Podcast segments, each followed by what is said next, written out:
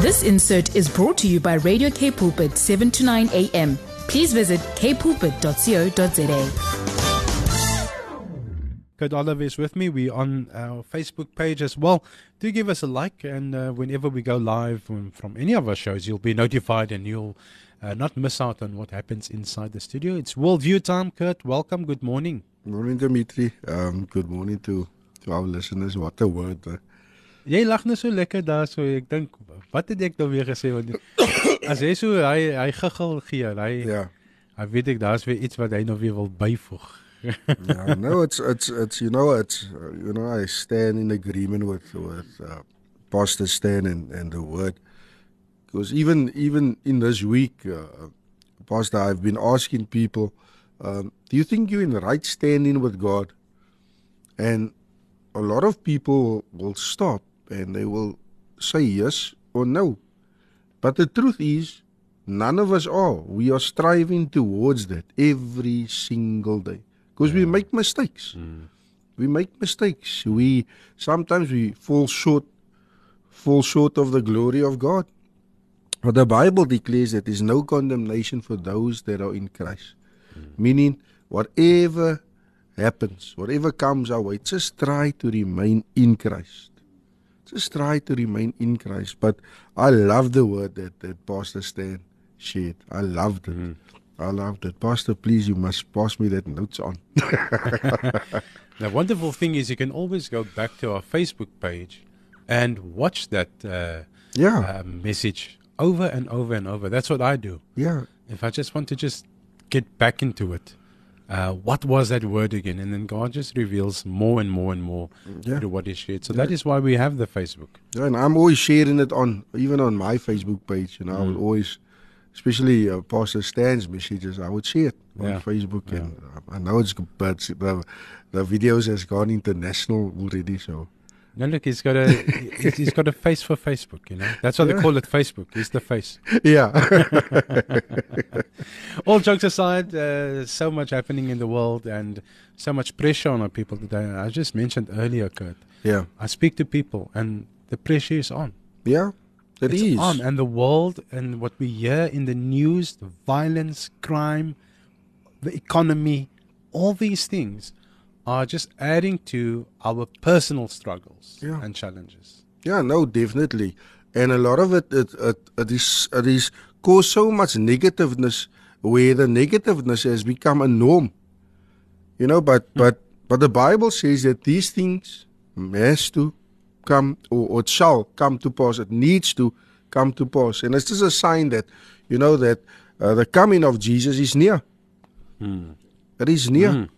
But I, I, I just want to encourage our listeners this morning that yes, even though there's so much happening around the world and even though there's so much negativeness, but we must always go back to the basics where we need to know that there is good news, Pastor Stan, and that good news it is found in the Word of God. So this every Saturday when we come, we proclaiming the good news until Jesus comes again basic, something basic. As as as Pastor said, you know, the word we need to stand upon the word because the word will always bring us back to walk to walk in truth, and that is so so in, in, important.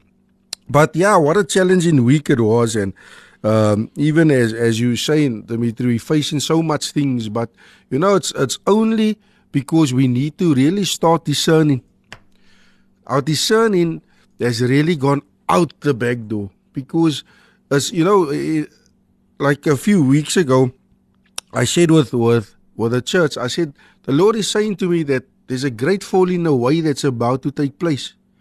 And about two weeks ago it was prophesied out in the us in south, in south africa as well that there's a spirit of backsliding operating upon the earth. But it's simply because as believers we are not discerning anymore.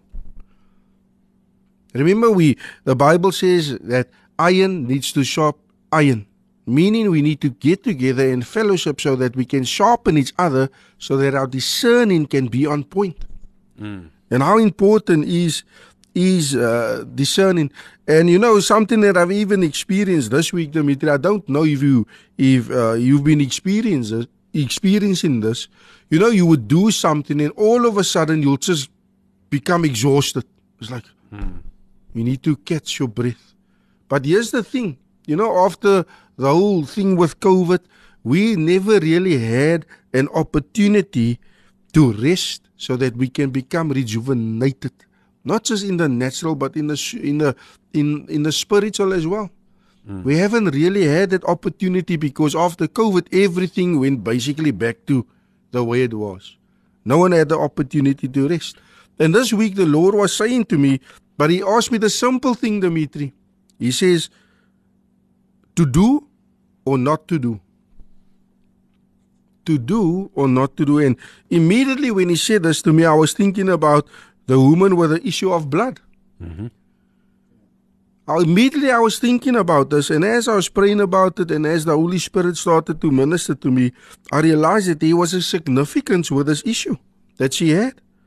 It was, and, and, and how she had to demonstrate great faith in, in Jesus Christ. And she did not rely on herself, but she needed to rely on Jesus.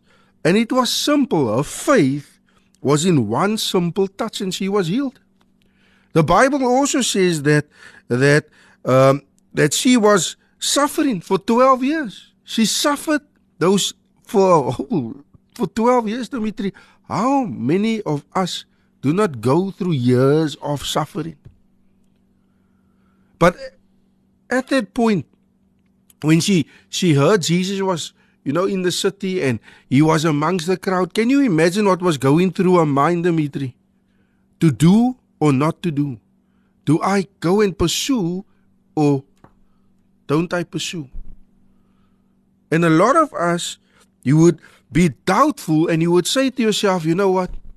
No, man, I, I won't get to Jesus. Or, you know what? What I want to do, it's so it's so far fetched. It, it's it's impossible. Ach, man, you know what? Just just leave it.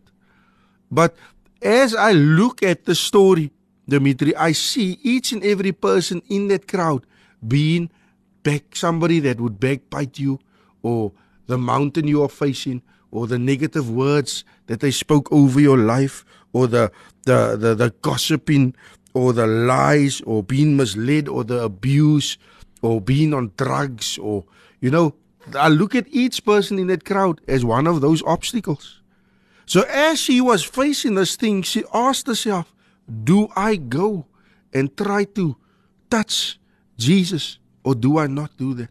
And the Bible also says that for 12 years she went to all the doctors. She spent so much money on, a, on trying to be healed or to be cured, but nothing worked. Today we face that same thing, Dimitri. For years we would ask ourselves, you know what, this is what I really want to do. This is where I see myself, but do I pursue it or don't I pursue it? Do I do or don't I do? And there came a day, Dimitri, in the Bible says in, in, in Luke 8, verse 44, she came up behind him and touched the edge of his cloak, and immediately a bleeding stopped. Meaning, for 12 years, Dimitri, she was thinking about what could cure her. And when that opportunity came, she asked herself, Do I do or don't I do? But this moment, she pushed herself, Dimitri. She pushed through the crowd, past that gossiping, past that backbiting, past the, the abuse, past the addiction. She pushed past all of those things until she came to Jesus and she could only touch the hem of his garment, which was enough, and she received a breakthrough. How much of us today are sitting at home asking ourselves that same thing? I don't have the strength to push through. I am tired. I'm giving up. But I want to encourage you this morning that you need to push through because you're going to just need that opportunity to touch the hem of Jesus' garment because breakthrough has come. We're in a season where breakthrough has come. Somebody messaged me this morning and said, We're entering into the silly season, but I want to say to you, I cancel those words over our city because it won't be a, a silly season. It will be a season of breakthrough in the name of Jesus Christ. A season of breakthrough. Come on. Enough is enough, Dimitri. And you know what does the story even teach us? That no matter how desperate our situation, no matter how difficult things are for us, for our family, we never out of reach. Jesus is always there. He's always there. If we walk in faith and if we seek Him, He is there for us. He is interested in us. He wants to know us. He longs to restore us, to respond to our faith in love. And that is what the Lord has laid upon my heart this week, Dimitri. And God is faithful. He is so faithful. Indeed. And I I continue to put this challenge out there. I continue.